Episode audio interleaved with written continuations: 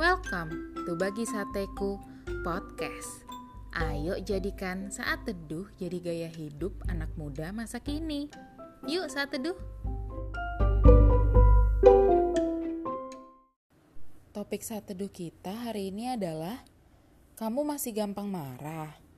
Ayo kita buka Alkitab kita di Yakobus 1 ayat 19 yang berbunyi Saudara-saudara yang kukasihi, ingatlah hal ini.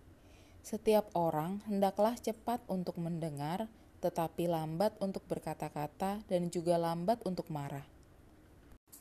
Sahabat sateku sadar nggak kalau banyak di antara kita tuh malah melakukan hal yang sebaliknya dari ayat sate kita hari ini. Kita cenderung cepat untuk marah dan lambat untuk mendengar. Dikit-dikit marah, dikecewain teman kita, ya kita marah-marah dijahatin orang, ya lebih lagi marahnya. Pesan makanan di restoran, terus lama datangnya, kita juga langsung marah.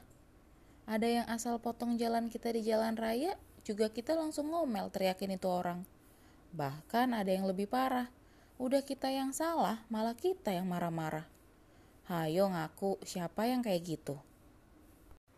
Siapa pun kita, kita sebagai seorang pelayan Tuhan, sebagai sahabat, orang tua, anak, pacar, atasan, karyawan, atau sebagai apa pun kita di lingkungan, mungkin sering kali kita diperhadapkan dengan kejadian-kejadian yang memancing amarah kita.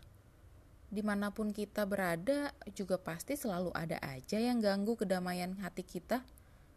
Tetapi sahabat sateku harus ingat, persoalan sih boleh ada, tapi bagaimana respon kita dalam menanggapi setiap persoalan yang ada, itulah kunci dari persoalan tersebut. Apakah kita mudah terpancing amarahnya?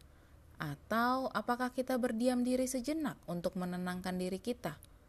Atau mungkin kita memilih untuk bersikap masa bodoh dan tidak peduli gitu? Atau apakah kita langsung mencari Tuhan? Ketika kita mencari Tuhan, Tentu firman Tuhan mengingatkan kita akan ayat sate hari ini, supaya kita cepat untuk mendengar tetapi lambat untuk berkata-kata. Amarah manusia tuh nggak mendatangkan kebenaran dan kebaikan loh. Jadi nggak perlu marah-marah ketika muncul masalah. Percayalah, ketika kita tenang dan mampu berpikir jernih, kita relatif lebih mudah untuk berdoa dan juga lebih mudah memikirkan solusi yang tepat. Kemarahan yang gak terkontrol bisa merusak hubungan tanpa menawarkan jalan keluar yang diperlukan.